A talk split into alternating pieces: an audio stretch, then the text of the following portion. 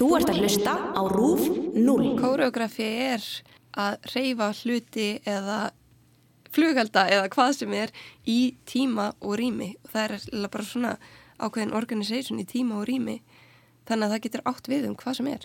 Þetta er það sem ég eh, elska við þetta listform er af því að það er einhvern veginn svo órætt hvað dans er og það getur verið svo ótrúlega margt er að þetta hefur sem þetta verið svolítið svona um, pöngið innan listgreinuna því að þetta er alltaf að breytum stefnu. Dansin er alltaf að breytum hvað það er og það getur verið meira, ég þekki danslistamenn sem er að vinna engangu með hljóð eða danslistamenn sem er aldrei með líkama á sviðinu, heldur bara hluti og sviðismynd og það er alveg, þú veist, til allur skalin á þessu og það er einhvern veginn hægt ef þú ferðið á dansfestival þá getur oft séð eitthvað sem er bara uh, útvarsverk eða, hérna, þú veist, það er allur skalin á hvernig fólk er að vinna en það einhvern veginn samnast allt í þessu orði kóreografía sem er þá bara einhvers konar nálgun á að vinna með hluti.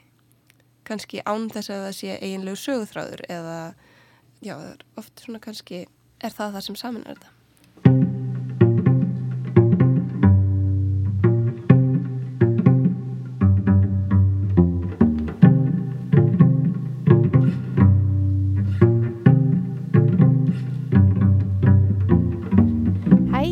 Hildur og þetta er Skaparinn. Í þessum þætti fæði til mér gæsti sem eiga það sameigilegt að skapa hluti og vera frekar góður í því. Sumir kalla sér listamenn, aðrir ekki, en öll eiga þau það sameigilegt að vera með frúan huga og vinna við að framlega hugmyndir. En hvernig hugsa þetta fólk? Hvað gerir það þegar það fær ekki lengur hugmyndir? Eða er alltaf nóga hugmyndum? Ég heiti Rósa Ómarsdóttir og ég er dansari og dansöndur, búsett í Brussel. Um, ég hef verið þar í síðustu nýju ár, var hann ansið langur tími. Ég sér að hef stundan nám við dans síðan ég var bara pingulítil, byrjaði ballett bara sjóra eða eitthvað og held því svo áfram þóng til ég fór yfir í nútíma dans og svo fór ég í listaháskólan hérna á Íslandi í tvö ár. Og eftir það fór ég í skóla í Brussel sem heitir PARTS. Það er sér að stýtting fyrir Performing Arts Training and Research Studios. Og þetta er svona svolítið sérstakur skóli sem var stopnaður uh, 1995 þar sem að nefendurnir eru ekki taldir vera nefendur heldur, þetta er meira svona næstu í professional þjálfun. Á þannig að maður fær bara kennara inn eða listamenn koma inn og maður vinnur saman einhvern veginn. Og þetta er svolítið fjara ára nám. Ég útskæði staðan 2014 og síðan þá hef ég verið bara að vinna mest í mínum einverkum aðeins verið að vinna líka með öðrum og svona performa líka en svona aðalfókusin hefur verið á mín einverk. Hvernig mannstu fyrst eftir að hafa verið að dansa? Ég náttúrulega byrjaði í ballett 7 ára gömul og ég fann mig bara, ég hafi verið í fimmleikum og ég man bara eftir, ég fann mig bara alveg strax í þessu og ég voru alveg sko elskaði ballett.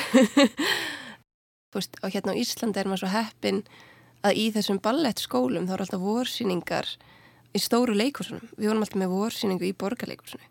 Þannig að ég fekk alveg að koma fram þar og dansa sól og pingu lítil á stóra svið borgarleikusins. Þannig að það er náttúrulega rosa reynslega, ég man alltaf eftir því. Þannig að það hefur verið svona fyrsta skipti. Svo þegar úrlingsárin komu, þá fekk ég svolítið nóga ballett og hætti því og fór meira yfir í nútíma dansi. En mannst eftir í hvenar kannski þú fyrst fannst svona þörf fyrir að skapa eins og skapa þitt eigið út í kannski ballett og svolítið bara læra eitthvað sem hann var kent en hvernig fannst þið fyrst fyrir svona sköpnu þörfunni? Já, ég man sko þegar ég var hérna uh, í ballett bara pingu lítil, ég held ég hefði strax byrjað sem að dansa. Ég var ábyggla óþálandi í fjölskyldibóðum og því ég hafði alltaf samið sagt, dans sem ég langaði að sína sjóra gömul að hérna um, þannig ég byrjaði strax ábygglega að semja þar. En svo þegar ég var úrlingur kom ábygglega svona sköpunarþörfin meira og kannski það hafi haft eitthvað að gera með það ég misti svolítið áhugan á ballett. Mér fannst ekki gaman að læra bara spór og ég fór svona meira einbetið mér að ég kannski að skrifa og svona finna aðrar leiðir til þess að fá svona sköpunarþörfinni fullnægt. En svo komst ég að því hvað uh, nútíma dans væri. Það var svo að ég hætti í dansi og ég hafi sagt við mömmu mína þegar ég var lítil ef ég myndi hætta í dansi þegar ég erið gelgja að ég hafi séð það, allir gerðu það þá ætti hún að banna mér það sem að hún svo auðvitað gerði ekki. En svo hérna sá hún að Erna Ómarsdóttir var að koma með eitthvað verk til Íslands og þá var Erna Ómarsdóttir, ég vissi ekkert hver hún væri og hún dróð mig á þessu síningu og þar sá ég bara einhvern veginn hverju möguleikarnir gæti verið. Að því að mér fannst einhvern veginn þessi formfasta nálgun í ballett og nútímadansi stundum, svona gamaldags nútímadansi. Við, við tölum meira um samtímadans í dag. Uh, mér fannst það svolítið svona já, of formfast. Og svo sá ég bara hverju möguleikarnir geti verið þegar mamma mín dróð mig sagt, á þessa síningu og þá vildi ég bara skrá mig strax í, í sagt, listanskólan og, og fara í það sem ég geti meira gert sjálf. Fóra nútíma deilt þar sagt. Hvað var þetta langu tíma sem þú dansaði ekki? Ábygglega eitt ár ábygglega ekki meira Ætlaður bara að gera eitthvað allt annað? Já, ég fór sér þá meira einbjöndum mér að ég skrifaði mjög mikið á þessum árum og einhvern veginn Um, hvernig er svona hefðbundin dagur í lífið þínu? Ótrúlega mismyndi eftir hvar ég er í ferli þannig að uh, þegar maður er að gera svona dansverk það tekur yfirleitt rosalega langan tíma bara undibúningurinn og eftirvinnslan og eins og núna er ég í svona undibúningsfasa og eftirvinnslufasa á sama tíma þannig að ég er sérstaklega núna mest bara, ég ger jóka fyrir út að hlaupa og annars er ég bara í tölfunni að skrifa umsóknir, uh, kynningarefni, e-maila, plana, veist, alls konar þannig. Þannig að það komur svo alltaf tímabili árunni þar sem ég er bara mest í skrifstofuvinu. Dagarnir minni þar eru allt öðruvísi heldur en svo þegar ég er í residensju og þá er ég bara í stúdiói eila allan daginn. Hvernig ferður svona hugmynd að nýju dansverki? Er það eitthvað sem þú ákver, já nú þurfum ég ekki búið til nýtt verk eða koma þér til þín? Hvernig virkar það? Ég held að komi yfirleitt meira til mín en svo veit ég að ég þarf eiginlega búið til næsta verk. Ég hef aldrei einhvern veginn ekki hinga til, ekki haft hugmynd að nýju verki. Ég held ég sé eiginlega alltaf með nokkrar hugmyndir að nýju verki og svo þarf maður svona að velja hvað maður ætlar að gera og hvað maður á að setja orkuða í og, og fókusin á að gera. Ég held að ég fái mikið hugmyndir oft núna nýlega út frá síðasta verki. Sér eitthvað sem ég reg mig á í síðasta verki sem ég langar þá að þróa áfram. Eða eitthvað sem ég kemst að í miðju ferli sem að ég náði kannski ekki alveg að kafa djúft onni í því ferli og þá e, finnst mér það svona óklárað og mér langar að halda áfram með það eða taka það eitthvað allt annað. Ég er mjög, svona, finn mikið innblástur í ákveðni tegunda heimsbyggi ég er mjög mikið að lesa svona object-oriented ontology og þannig heimsbyggi þannig að í svona milli fösum, milli uh, creations þá er ég oft í því að lesa bara mjög mikið. Og ég fæ mjög mikið innblástur úr því að lesa. Hvar finnst þið best að vinna skapandi? Ég er náttúrulega alltaf að fara á milli residensi ég tók saman síðast ár hvað ég var marga vikur á árunni í residensi ég held að það hef verið 28 vikur eða eitthvað. Þannig að stúdíu er mjög mismunandi. Ég elska að vinna í blackboxi að því að mér finnst það bara, þú einhvern veginn útskúfaði algjörlega út úr heiminum. Ég var í sex vikur í París í svona blackboxi sem er eiginlega, leikhús sem er svolítið neðanjörðar og það er bara við hliðin á FL-turninum en maður fer svona nokkra stiga nýður í bara svartan helli og ég var þar allan daginn í sex vikur og svo lappa ég alltaf út og þá er bara túristatnir og FL-turnin og allt. Það var einhvern veginn ótrúlega skrítin, surrealísk upplöfun að vera þarna að gera mitt. Ég var einn mest allan tíman og koma svo alltaf út og sjá bara FL-turnin blasa við og alla þessar túrista að taka myndir og en það, mér finnst oft gott að loka mig af svona í einhverjum helli þannig séð, um, maður fær svona ákveð tímanleysi og ég, þá get ég bara glemt mér alveg það er svona, ég tala oft um að stúdjó er með ákveðna áru og mér finnst miklu betra að vinna í sömum stúdjóm en öðrum, reyna að sækja um það. Maður verður náttúrulega mjög þreyttur að því að vera kannski í svona blackboxi ótrúlega mikið. Maður missir eiginlega þann sens fyrir veðráttu og tíma og öllu. Þannig að stundum er líka gott að vinna í einhverju stúdjó með glukum. En svo vinn ég bara mjög mikið heima. Þess á milli þá er ég bara mjög, mjög næs að vinna heima og ég er oft í svona forvinnu að skrifa og hugsa og plana og ég er með mjög næs skrippbord það sem ég er búin að koma fyrir öllu svona mjög vel með vegg og svona það sem ég get unnið. Getur það að sagt okkur hvernig svona residensjur sem þú verður að gera virka? Já, það er þá eiginlega tvennskonar. Ef ég er í residensju eins og ég er sagt, uh, með fimm ára samning við residensju úti í Brussel sem er, þetta er sagt, vinnustofur. Þau eru bæði með leiksvið sem maður getur unnið í tækni og með stúdjó. Þannig ég vinn mjög mikið þar. Þetta er eiginlega við hliðin á húsin mína sem ég bý í, þannig ég get bara alltaf skroppið heim og skroppið þangað og það er svona mjög næs. En svo oft sækir maður um residensjur í einhver öðru landi og þá er það ofta alveg svona pakkið þar sem að maður er að gista þær líka og borða þær líka og maður fær oftir innifalli matur og gisting í þannig. Það er oft ennþá meira svona tíma vakjum á því maður ferðangað og maður er bara þar kannski tvær, þrjár vikur og gistir í sama rými næstu því að það er oft kannski bara uh, herbyggi fyrir ofan eða við hliðina eða eitthvað sem maður gistir og þá er maður bara þar. Í Belgíu er til dæmis alveg fullt af svona vinnustofum, eitthvað svona workspace sem að á tvö stúdjó og þar er kannski fjórir að vinna þar og þau sjáum að elda og eru með skrifstofi þar sem maður getur beðið alltaf um að brenda út fyrir sig efni ef mann er vandar eða. og þau sjáum kynningu líka og svona gefa manni alls konar aðstóð. Ég fæ jo leitt svona tvekketi þryggja vikna residensjur en það er alveg allur skali á því. Eins og þessu ári, eða síðast ári þá var ég held ég bara 20 vikur á árun heima hjá mér þannig að maður bara býri í ferratösku og þarf að vera alltaf tilbúin að fara og kærastu minn ferðast með mér allt þetta ár það var svona smá breyting á að því við vorum að vinna saman flesti sem ég þekki sem búa út í Belgíu eða annar staðar við lifum svolítið svona einhvern veginn í ferratösku og alltaf á milli staða því að líka sérstaklega vera dansari ég er svo háð því að geta verið með dansstúdjó og maður getur ekki verið með sitt eigið dansstúdjó það myndi bara vera allt og dýrt og er bara ekki mjög praktikal. En þannig að það er svona fyllt af leikúsum og vinnu um, svona stopnunum sem sjáum workspaces sem maður geta þá leikta út eða gefi manni residensjur þannig að maður bara háður því svolítið og þá þarf maður bara að lifa svolítið svona flökklífi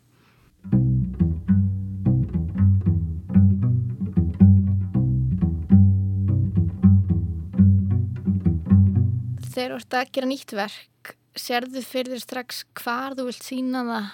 Þú veist, er það vita þú ert að byrja að semja það eða er það eitthvað sem kemur í ferlinu? Já, yfirleitt allavega hvernig það virkar út í Belgju þá get ég ekki sótt um styrk þar nema ég sé komin með allavega þrjá síningastæði og svona meðframleiðslu og ég þarf að vera að koma allar vinnustofur áður en ég get sótt um styrkin þannig að maður þarf vel að vera búin að leggja dröga öllu verkefninu og öllum uh, svona framleiðslu ferlinu áður en maður segir um. Þannig að já, yfirleitt er ég komið með síningarstað áður en ég byrja en af því að ég er líka í svolítið svona þessum alþjóðlega bransa þá reynir maður alltaf að búið til verk einhvern veginn sem maður getur fyttað inn í mismundi svið af mismundi stærð verð með sviðsmynd sem er hægt að pakka í tvær törskur þannig. Það kemur svolítið óvart að heyra hvað mikið vinna sem fyrir skipula og svona kannski próduksjón, finnst þér það skemmtilegt líka? Ekki svo. Mér finnst hérna, jújú jú, maður getur alveg farið í svona gýra plana og svona og ég er náttúrulega vinn með framleiðendum sem hjálpa mig við það. En uh, já, þetta er mjög mikið planning og það saði mér það enginn þegar ég var í náminu. Um, maður bjóst eiginlega ekki við því heldur sjálf þegar ég útskafast hvaða fer mikil tími í kringum eitt verk sem að fer í raun og veru skrifstofinu en það bara er partur af vinnunni og þá er bara skemmtilega að maður fyrir stúdjó. En ég nýt mín best þegar ég kemst lóksins í stúdjó og ég er svolítið mikið fyrir að gera langa rannsóknarvinnu. Þannig að ég til dæmis var með alveg margar vikur í stúdjói í bara rannsóknarvinnu fyrir þetta síðasta verk sem ég gerði. Áður en ég svo fór í framleiðsluvinnuna og allt og áður en ég fór svo að vinna verkið. Þannig að mér þykir mjög mikilvægt að geta haft tíma eins og ég fekk svona rannsóknar styrk fyrir það verk til þess að bara vera í stúdiói án þess að vera sko að búa til tilbúi verk eða vera endilega að stefna að því að það sem ég var að gera myndi verða einhvers konar produkt. Heldur bara að fá að vera eins í stúdió að leika mér og bara prófa nýja hluti og lefa mér að bara dvelja í hlutunum. Mér finnst það alveg bara algjör lúksus sem að er hægt að leifa sér ef það eru þannig aðstæður. Hvernig er það skaparu mest einu eða vinnur með öðrum? Áður en ég gerði þetta verk þá hafði ég alltaf vinnur með öðrum. ég var alltaf henni í samstarfi við tónlistamenn eða sviðsmyndahönniði ég vann mikið með Inguhöld Hákonadóttur við gerum tvö verk saman annars þá ger ég líka hópverk þar sem ég vann þá mikið með dönsunum sem ég var að vinna með en núna þá langaði mér svolítið að gera bara alveg einn þannig að í rannsóknarferðinu þá var ég bara alveg einn í fjóra mánuði þar sem ég var bara að vinna með tónlistina sjálf og var að vinna með lúpera og prófa sviðsmynd sjálf og var að bara að svolítið svona búa til hennan heim alveg sjálf áðurinn í fórsvið samstarf. En svo fer ég alltaf í samstarfa því að ég þarf að vinna með tónlistamanni og, og ljósahönniði og öllu. Þannig að þá eins og í þessu verki þá byrja ég svolítið að, að komi hugmyndinar að öllum hljóðmyndum sem er í verkinu ég gerir það allt live á sviðinu en svo auðvitað fæ ég sagt, hljóð hönnuð með mér til þess að hanna hvernig þetta er dreifist í rýminu og, og hjálpa mér með að útfæra þetta og svona. Getur þú sagt okkur aðeins frá síðasta verkinuðinu? Hvað, hvað heitir það og hvernig, um hvað var það í rauninni? Herri, já, það heitir Spils og einmitt eins og ég var að segja að uh, oft síðustu verk þá er eitthvað sem ég finn þar sem ég langar að halda áfram með og svo að ég gerir verk árið 2017 sem ég var að túra Ég síndi það hér uh, í apríl og þar fundi við eitthvað sem ég kalla Ecosystem Practice sem var svona ákveðin leið til að nota svona principles úr vistkerfi til þess að láta hljóð, sviðsmynd, efni og dansara tengjast. Þannig að við skoðum bara svona hvernig virka vistkerfi og hvernig tengjast þau og ákvaða hátt er til dæmis bara orsök og afleðing og, og hvernig þetta á sér stað í náttúrunni og ég reynda að yfirferða það á hvernig hlutir í rýminu geta tengst. Og svo trótti ég menna rannsókna styrk og ég fekk að þróa eftir ég frumsýndi þetta verk og var búin að sína það nokksennum og svona þá sótti ég um rannsókna styrk til að þróa þetta sem ég kalla Ecosystem Practice. Og í þeirri rannsók þá fann ég ymsar leiðir fyrir mig til að vinna bæði með hljóð og með sviðsmynd og með reyfingar og ljós og svona hvernig ég get hugsað heim á sviði. Og svo ákvæði ég að byrja á að gera sóló. Og það er þessi sóló spils. Og þar eru við eiginlega búa til ákveði vistkerfi á sviðinu. Þannig að allt sem er á sviðinu tengist einhvern veginn og hefur áhrif hvort og annað og getur eiginlega ekki staði eitt og sér. Og allt sem er á sviðinu verður partur af umhverfinu eða þessu vistkerfi og við pössum okkur til dæmis að nota ekkert utanákomandi til þess að svona allt í einu uh, hafa áhrif. Þannig að öll ljósinn þú sérði þau hanga upp úr loftinu eða eru endurspeglun úr vatni. Þannig að já, við erum svolítið að vinna með vatn og pappir og rámagn. Þannig að við erum með við og pappir sem er svona mismundi ferli af viði. Svo erum við með vatn og ís og raka sem er mismundi ferli af, af vatni og svo erum við með rafmagn og rafsjálfsvið. Ég er til dæmis með svona tæki sem að nefnur rafsjálfsvið og það sagt, verður partur af tónlistinni sem er í verkinu.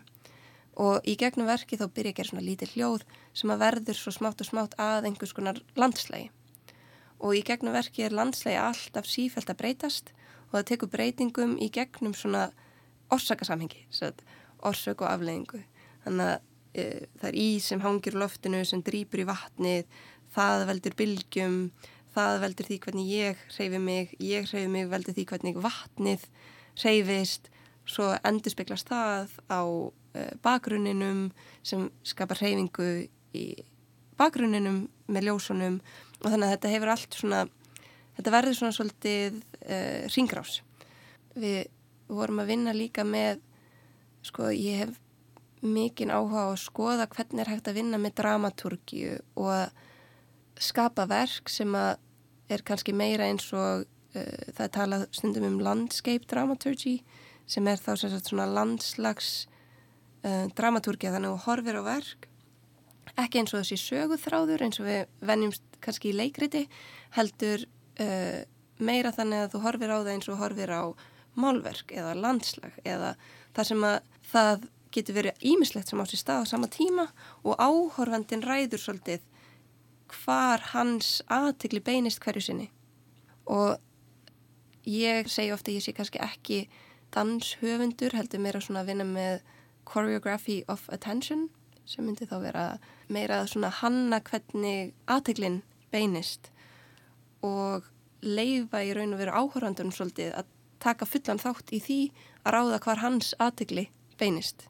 Þetta er mjög hægt verk og það er svona breytist mjög smám saman í gegnum verkið til þess að áhörandin geti fengið að svona fara inn og út og leift sér að loka augunum og bara hlusta eða bara horfa á einhvað dropa að falla eða það er svona ímislegt í gangi en það er allt einhvern veginn svo hægt og segðandi að, að þér finnst ekki eins og sérst að missa af neinu einhvern veginn. Það var svona uh, svolítið það sem vorum að reyna að ná fram. Ég er mikið fyrir að leifa sagt, hlutum að dansa, hljóðum að dansa og efnum að dansa og jafnvel þessu ósýnilega að dansa. Þannig í þessu verki langa okkur að gefa um, þessum ósýnilegu kröftum eins og hita, raka, rafsegulsvið, gefa þessu uh, stórt hlutverk. Þannig að ég vildi draga mig svolítið út þannig að þetta er sóló og augu okkar leitast oft að manneskum á sviðinu alltaf þegar við, við leitum alltaf að andlitum einhvern veginn. Þannig ég vildi svolítið reyna að draga sjálfa mig í bakgrunin til þess að reyna að ná einhvern veginn jafnvægi og jafnræði á milli uh, alls sem er á sviðinu þannig að drópanir geti verið jafn mikilvægir og jafnvel meira aðtiklisverðir heldur en ég á sviðinu.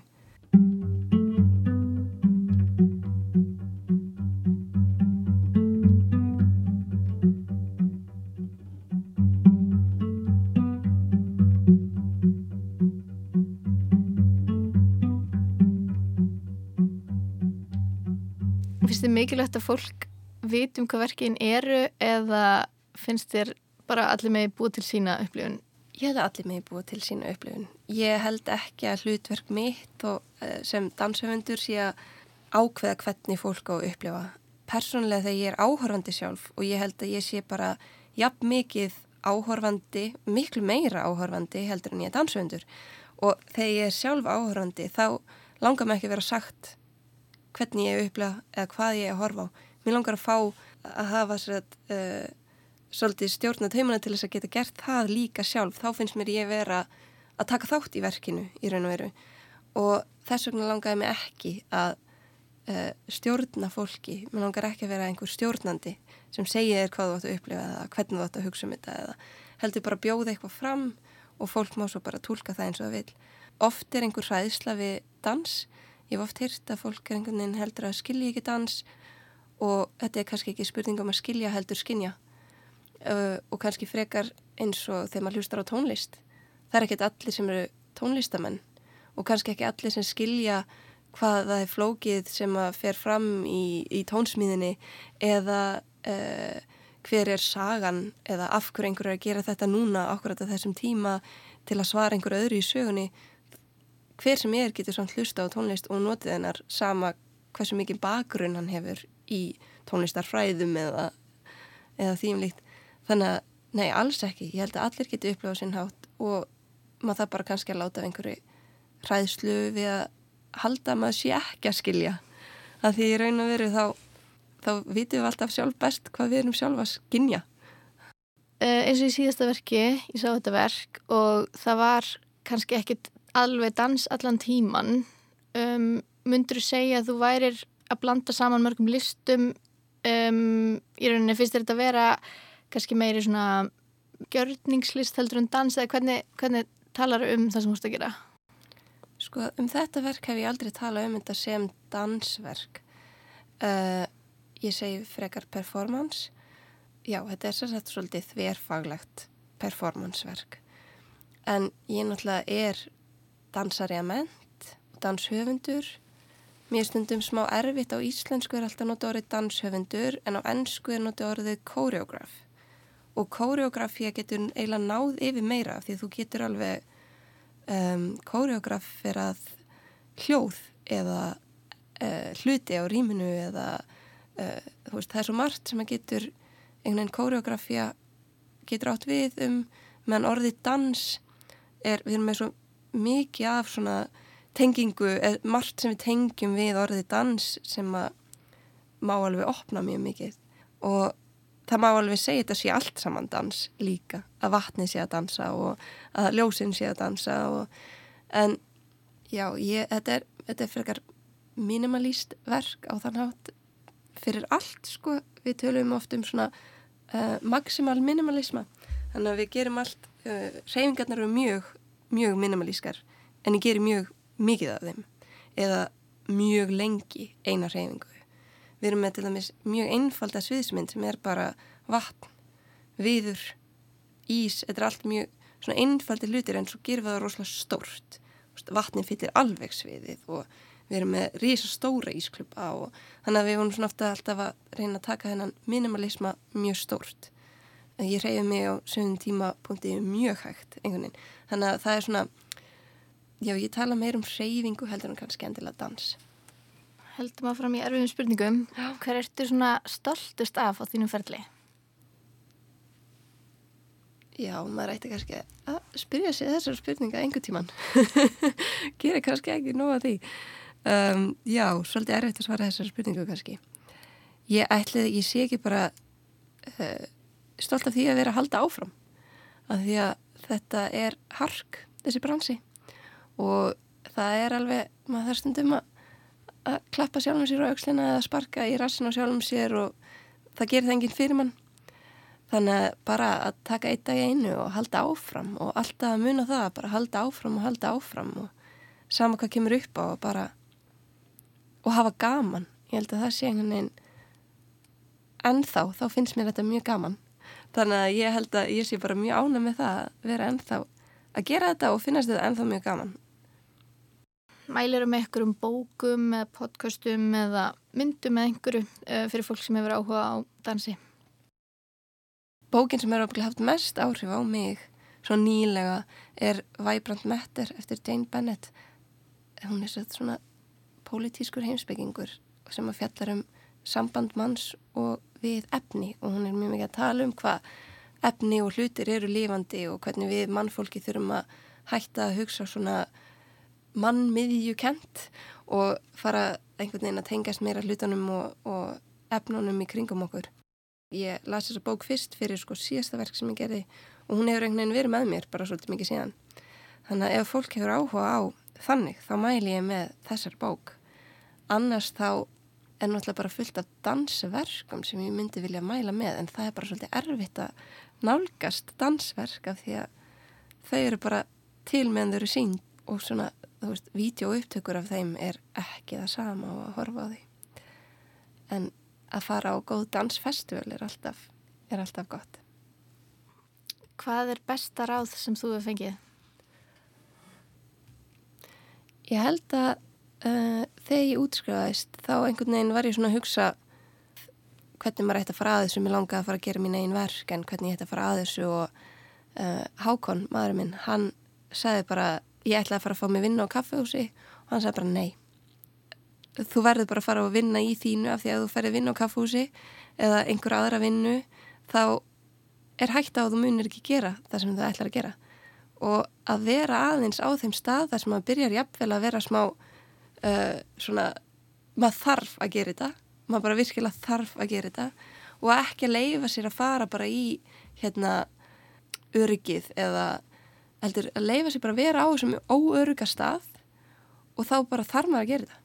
Og þá einhvern veginn ítum maður sér bara út í þetta. Og við höfum svolítið bæði gert það fyrir hvort annað að þegar hann útskjöðist þá hvati ég hann til þess að einmitt ekki fara í bara 9-5 vinnu heldur gera þetta gera, hann er svolítið kvikmyndatökumæður gera það sem hann vil gera. Og svo þegar ég útskvæðist þá gerði hann nákvæmlega sama. Og ég held að það hafi bara verið besta ráð sem ég fengi af því að maður það bara henda sér í djúbulegina annars ef maður er með of mikið öryggi þá er erfiðar að henda sér bara út í að gera hlutina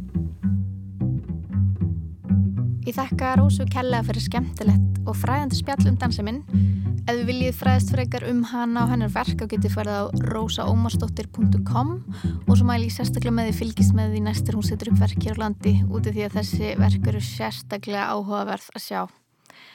En annars segi ég bara takk fyrir mig, ég heiti Hildur og þetta er Skaparinn.